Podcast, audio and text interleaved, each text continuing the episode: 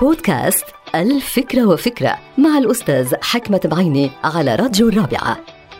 الفرق بين المثابرة والعناد هو أنه الأولى تعتمد على إرادة قوية والثانية تعتمد على إرادة ضعيفة المثابرة هي إمكانية تحقيق الأهداف بإرادة صلبة من دون كلل أو ملل. أما العناد هو جزء من أحلام العنيد القائمة على تفسير الأمور وفق ما يريد وليس وفقا لما هي عليه حقيقة تلك الأمور. من هون لابد من التمييز بين هذين المفهومين وبدقة والسبب وراء عملية التمييز هو أن البعض بيعتبر العناد نوعا من المثابرة فيما يسخر البعض من المثابرة وبيعتبرها جزءا لا يتجزأ من هذا الموضوع وهذا غير صحيح. العناد لا يشبه المثابرة لأن العناد يحتوي على مادة اسمها الغباء فيما تشمل المثابرة مادة اسمها الإرادة.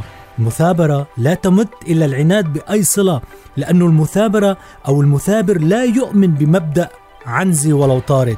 فيما يؤمن العنيد أن كل طائر يمكن أن يكون عنزة. فلا تخلطوا بين العناد والمثابرة ولا تدعوا أحدا يثنيكم عن المثابرة بحجة أنها نوعا من العناد أو الغباء. نعم للمثابرة لا للعناد. انتهت الفكرة. هذه الحلقة مقتبسة من كتاب الفكرة وفكرة.